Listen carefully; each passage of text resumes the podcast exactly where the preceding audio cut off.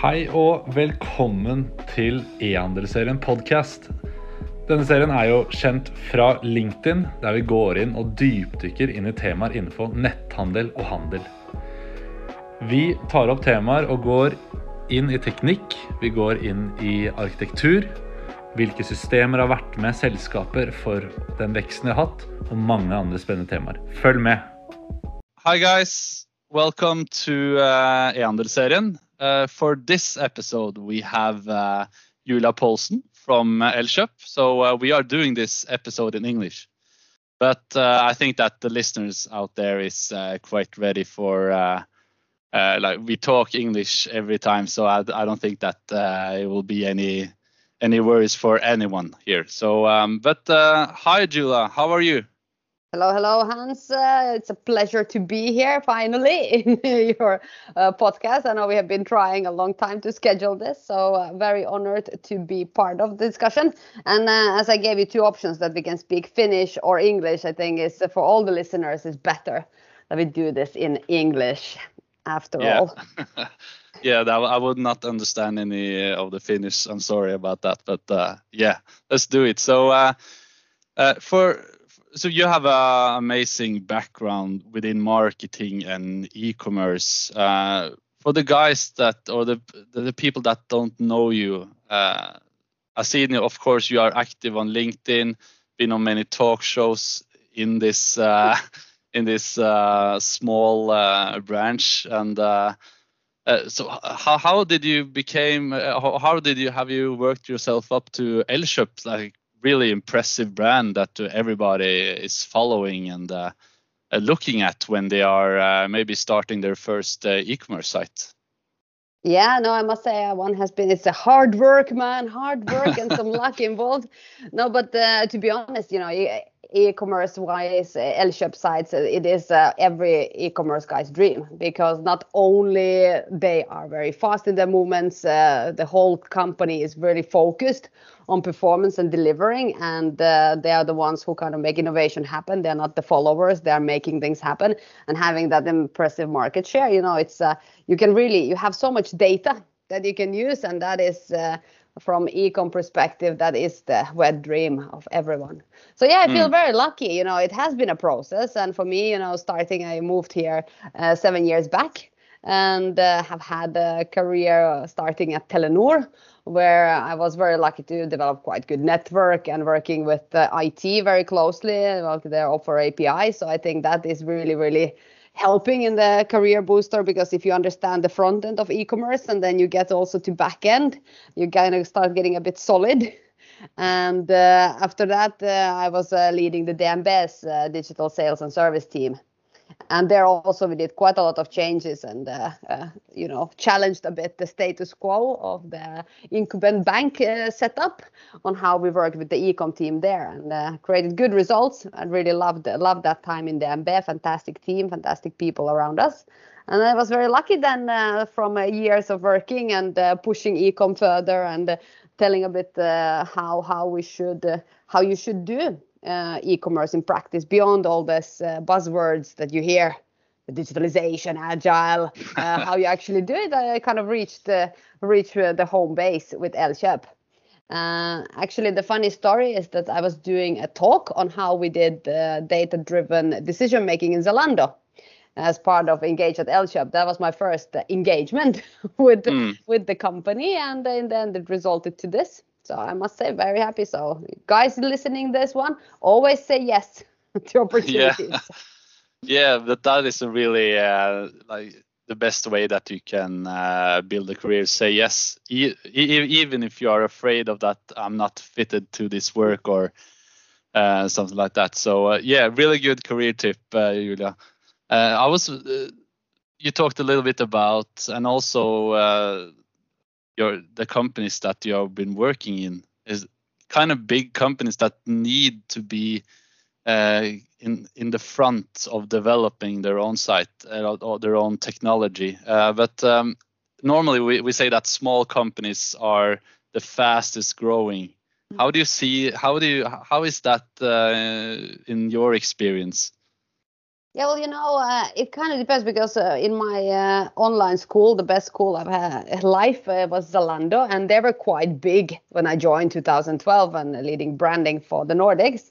Uh, they were really big already in uh, Germany and in Europe but they were just coming to Nordic. So in the sense, you kind of could think that they're a small mover, but it's a 10,000 people company already at that point. So uh, you can really, if you have effective operations, it's not really about the size of the company. It's actually how you operate. And if you have very clear task and everyone knows what they're supposed to do, a bit less micromanagement, more uh, trust in your colleagues and employees, and uh, having a clear strategy in place in terms of what company wants to achieve, then anything can happen. And I think it's very challenging. It's very cool when you come to a company, large organization that has maybe historically been used to maybe a lot of politics, uh, going a bit back and forth, the, the liking the long discussions, uh, turning that around for trusting data start testing things, uh, moving faster. Because then in the end, if you get that Titanic or that big tank of a company to start changing course, they can do. They have the power, right? They have both the power, mm. the people, and the money, which normally small companies they are struggling with. They might be the fastest way, way going, but then they don't have marketing budgets or they do not have uh, people to actually push things through. So then, if you actually manage to change mindset of a big company things can move really fast but it doesn't the, that actual change that requires a lot of effort. Yeah and also on that point data is uh, is it's so important uh, since uh, I've been working with the customer journey for uh, four years uh, before Lithium and this series, uh, we only use data to to to find out how is the customer moving on the site and uh, how is the customer uh, like living the life after they buy a yes. buy a TV or a mobile phone or anything? Like how and now we're also seeing that uh, Apple and other companies uh, like cookies also will be not removed but it will be it will work in a different way. Like tracking from site to Facebook to social media is not is going to be a lot harder. So the so the data, it's uh, harder to utilize yes. for companies. How how has that been a part of? Uh, if you talk about Elkjøp, uh, mm.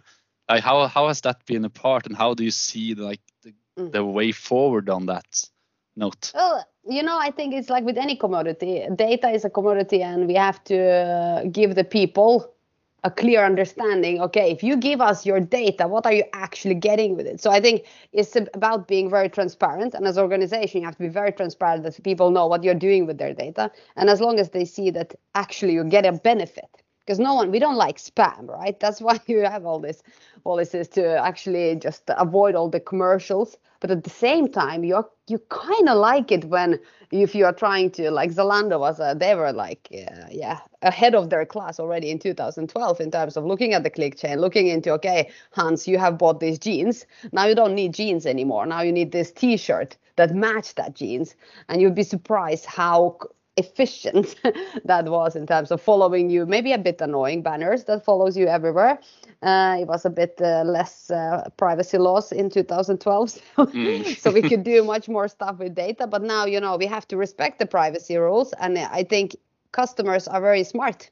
So if you just give them, okay, if you give us data, you're going to get site more relevance. And next time, let's assume Hans, you are wanting to renovate your uh, house and you want to buy a new kitchen. And now you're all in the kitchen modus as you clearly look like a guy who is on kitchen modus. You need to renovate it. What is better way if you start searching for kitchen stuff? That next time you would visit Elkjøp you actually came to our epoch site. You would immediately be in the kitchen and the first thing would be that hey book here an appointment with our kitchen planner. So instead mm. of you having to then okay fine we will tell you you know what? We know what you need so let's save clicks let's save uh, trouble for you for navigating the site and finding what you need we're already pushing it towards you and mm. uh, for us going forward is both in terms of being transparent showing what kind of data we're collecting gathering those consents and really telling what we're doing with this and at the same time you need to you know customer club is becoming more and more important because then hmm. again mm. if you have people who are your loyal customers uh, who are have joined the club who are actually interested in hearing from you that's the gold. I think you know CLV is my main KPI. How we bring loyalty, how we make sure that customers are coming back uh, for a reason, for a reason, not just you know pushing them some random shit, but actually giving them something that yeah, this is relevant for me. Thank you. Mm. uh, so you have to really look into the full communication. What kind of content you're pushing, what kind of service you're going to give to them and uh, getting people to sign up for customer club giving them reason to come back and uh, accept your cookies Mm. then you're golden. But you have to do that hard work because otherwise you probably know yourself. If i go to a site and they're asking me consent normally i just say yes because i don't really care. But at some point you might get annoyed and then start deleting your permissions. And suddenly you know companies like uh, us can really lose all the opportunities to give you what you want. Mm. and then you start complaining hey the ux here sucks. Yeah well you, you haven't given us permission to show you things you want so there you go Yeah, like the personalization of the site uh, Yeah. on the last uh, thing that you said. So, but uh, y- customers are uh, much. They, they were smart before before, but uh, Mm. they are uh, really really smart uh, now. Just uh, just think about people are actually googling their way to a purchase instead of before it was much more see what we got and then they then the the client got uh, the customers got interested and then they made the purchase.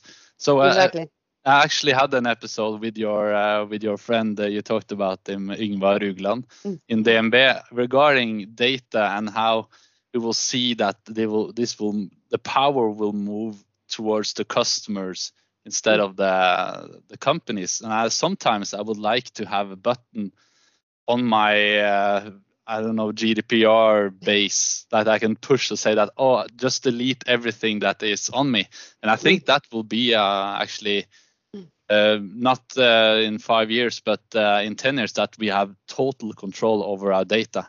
yes Uh, and also the one thing that I uh, I'm working with clients on this how to develop customer clubs, especially before now it's like a little bit more technical uh, Mm. work, but um, how can we make customers loyal without a normal discount, like 10% Exactly. of your Yeah. first purchase? Uh, and that's a quite hard nut to crack uh, without giving too much away. Uh, you have cash points that Norwegian was doing very successfully.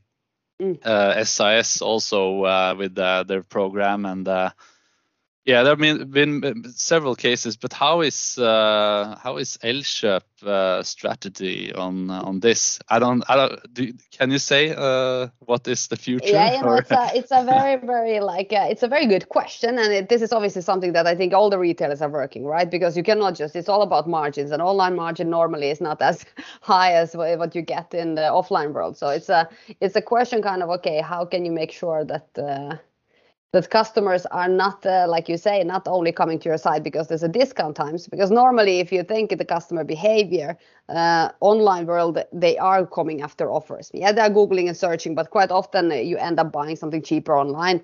And uh, in terms of loyalty also uh, you go to Prisjakt these days. Customers also smarter not only about their data but also about prices. They will compare. So you have to be fair. So we do aim that we our prices are always to the mat. So we are not uh, we are not uh, uh, going over uh, the overall competition. So the price is actually fair. So there you have to be. That's just hygiene. That's nothing special. And then it's more about what kind of services we give right? It's the whole customer journey. Another buzzword but pretty important one because uh, Mm. If you start thinking about okay what this customer needs really they need to have a you want to find the product you want right? And it has to be priced right. Uh, so no one is um, effing at you in the ass and uh, then third thing is how is the after sales part? That is the most important. Like to me what keeps me if you ask me what keeps me uh, awake in the night is how we are handling the after sales? How are we making sure that the customer a has full control of what's happening with the, uh, their delivery especially if they have ordered home delivery and they have ordered online and they want to get the the parcel home uh, they, they know a they can track where it is. If they suddenly want to cancel that you can do self-service online. And we were not able to do that before. Now we can.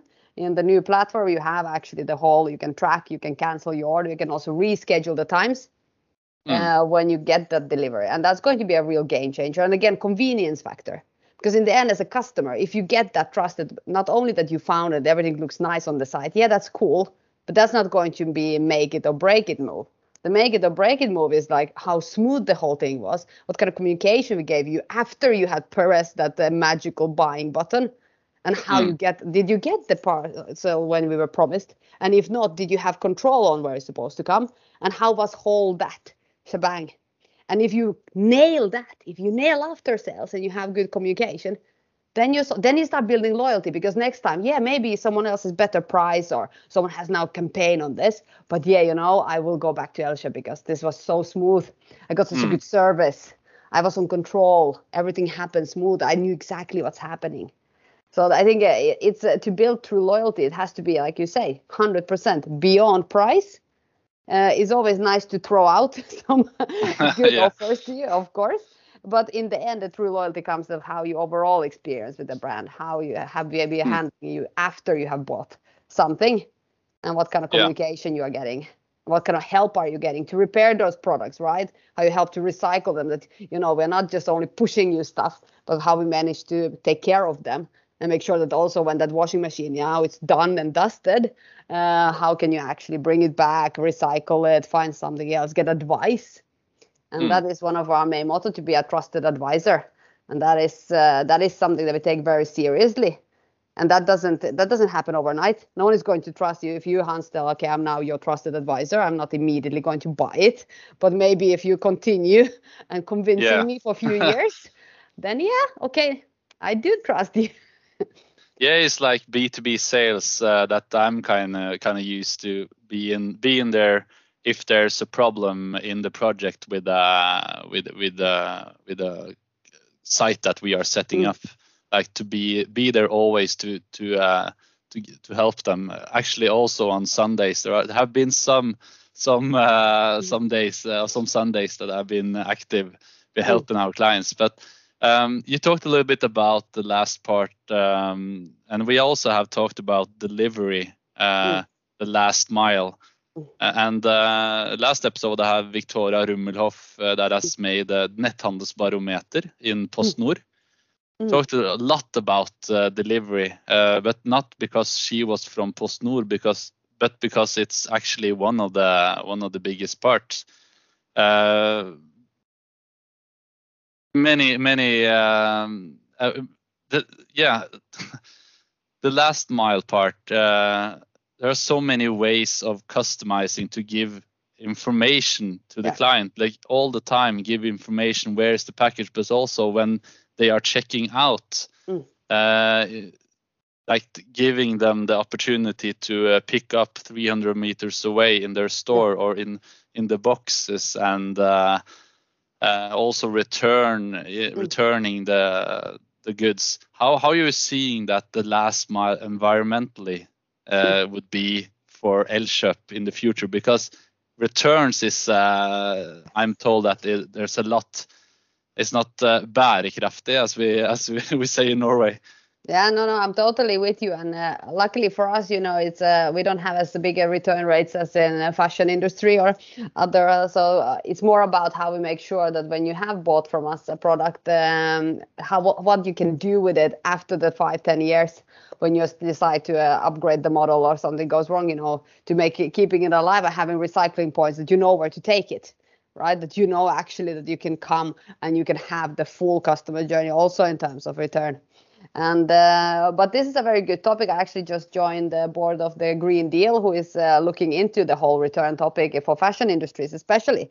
Uh, mm. And uh, how can we make sure? Because it is, I don't want to say percentages of uh, how much we did get returns in Zalando, but uh, if you want to create an experience where you should be able to, as a customer, feel like you're doing shopping in the actual store when you're doing home shopping, you have to expect returns because then people will try many different sizes and many different models and that's good.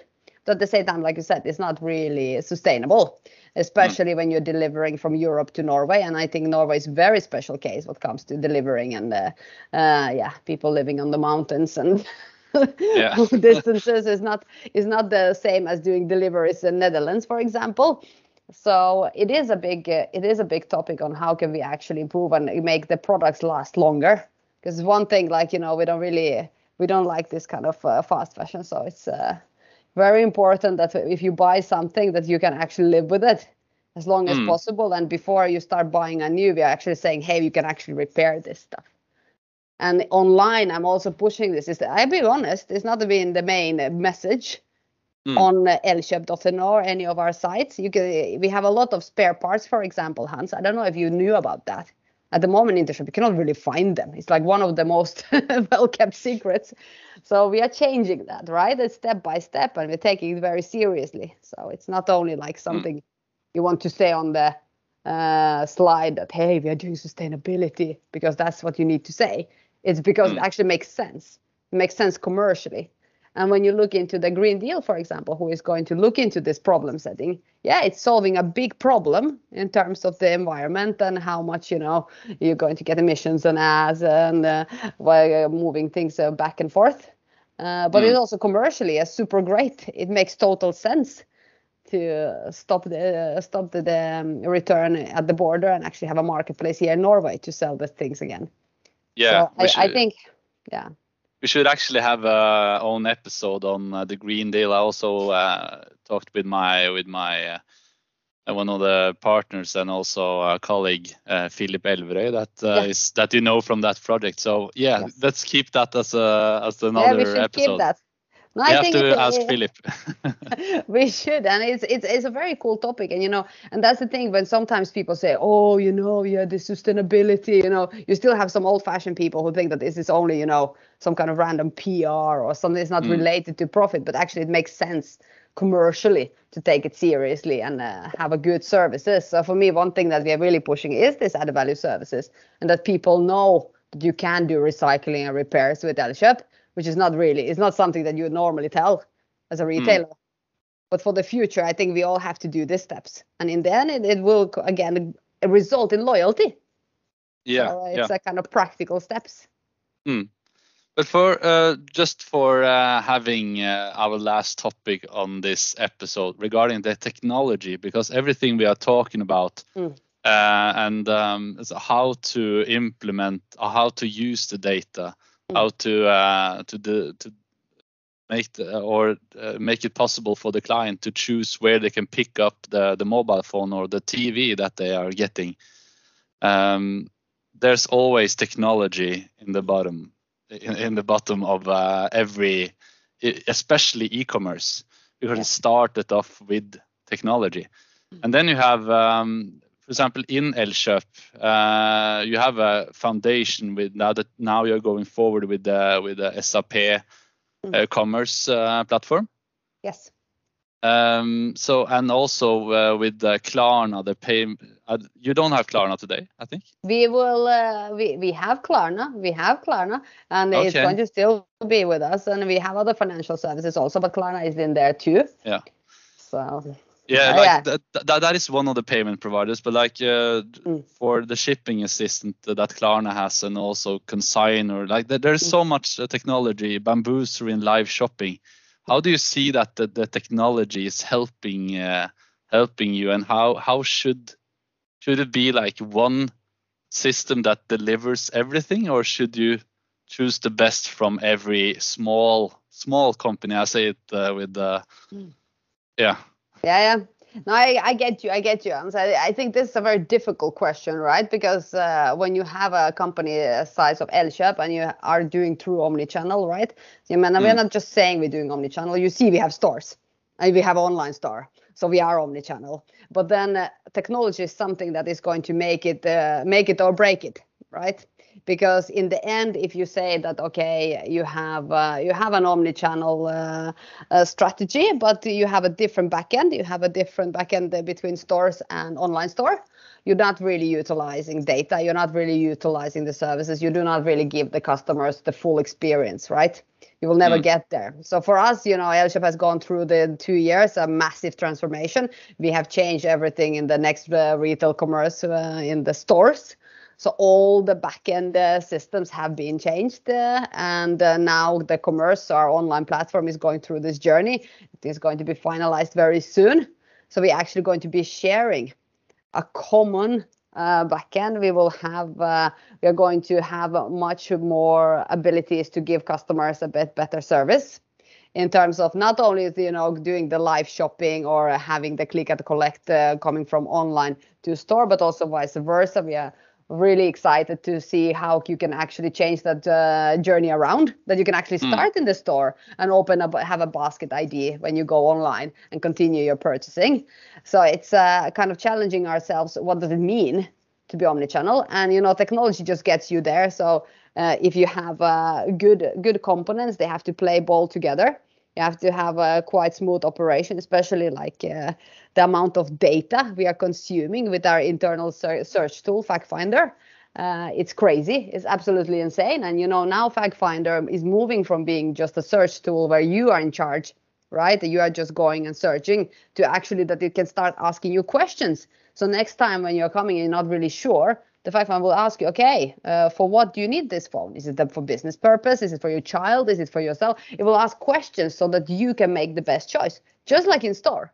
So then you just imagine how much data you need to have, how stable the site mm. is to be. So many things has to play well together. So it's not easy.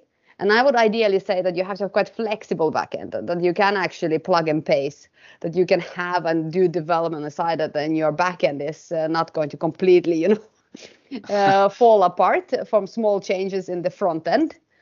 Uh, and you have to be able to do testing, right? Testing is crucial. And for that also, it's extremely important. You are very flexible mm. to do that. And uh, that's the thing with also SAP Commerce. You need to have quite specific know-how uh, yeah. in terms of how to do testing. So it's not bare bare.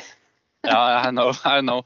It's you like uh, it's um, I there are so many of that that, that are talking about that you t- you talked about APIs having good yeah. APIs for uh, other technologies that are, mm. are, going to connect there and there there is a lot to- a lot of talk on uh, what is an open API uh, because everybody mm. says oh we have the open API is not yeah. not any problem but so it's important to have specific APIs for every uh, like uh, functionality or, or technology or um, industry that uh, you are connecting into the backend and of course a strong foundation into that in, in that backend. Exactly exactly and everything mm. affects everything and you know for us performance is obviously crucial it's the most important mm. thing is like nothing is more annoying if you're trying to see a product and it takes 30 seconds to download that uh, god forbid if that happens that's not good and then again if you have a lot of the systems consuming data you have a lot of different providers uh, uh, operating your site uh, in the backend that will affect your customer experience Mm. So then in the end, how you ensure good performance, that all the systems actually playing together, you have full overview what is going on and that you can do the testing uh, it's a it's a complex piece of work, Hans. yeah. What we have what we have tried to solve it. I think our new stack is very good. Is not it is a kind of it, it is a learning curve.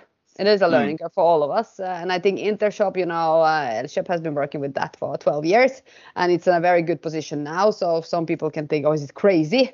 To start from scratch innovation but that's the thing you cannot uh, you have to continue going forward all the time even if you're hmm. leading mm.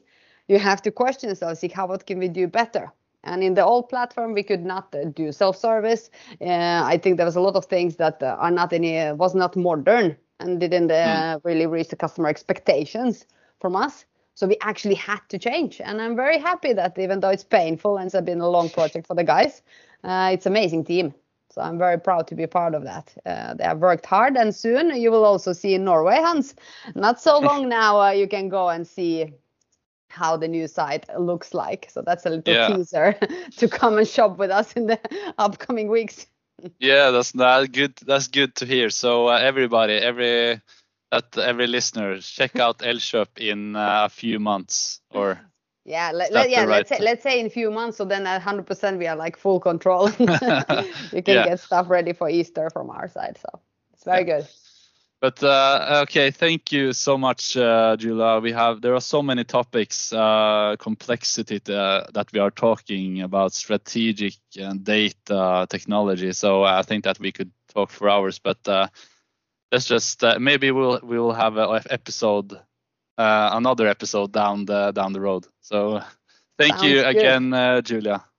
Thank you, Hans. This was a pleasure.